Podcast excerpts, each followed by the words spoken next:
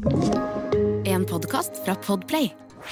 David Bowie, geni og stifinner. I didn't strive for success. I strived to do something artistically important. Her er Finn Bjelke.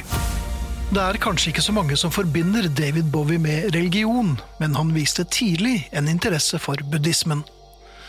Som 19-åring ble jeg buddhist over natten, fortalte Bowie i et intervju i forbindelse med utgivelsen av albumet Earthling. Platen er visstnok en slags melodisk drum and bass-utgivelse, og er aldri blitt noen stor favoritt blant de fleste i Bowie-fansen. Jeg har prøvd å like denne LP-en, jeg har virkelig gjort det, men her har jeg måttet gi opp.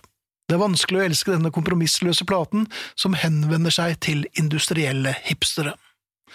Den eneste sangen som gir litt pusterom, om enn for bare en stakket stund, er Seven Years in Tibet, som starter som en roligere versjon av Sound and Vision og litt Fleetwood Macs instrumentalhit Albatross, med David Bowie mumlende langt bak i lydbildet. Fascinerende og betagende, og med en tekst som er passe dyster.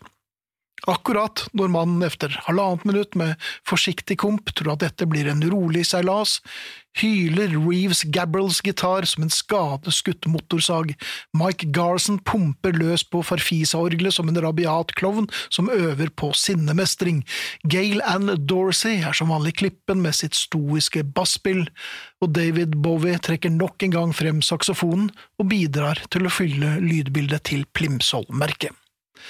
Denne rolige, så infernalsk bråkete tilnærmingen til melodien tyder på at Bowie hadde hørt litt på grupper som The Pixies, som er kjent for denne sounden.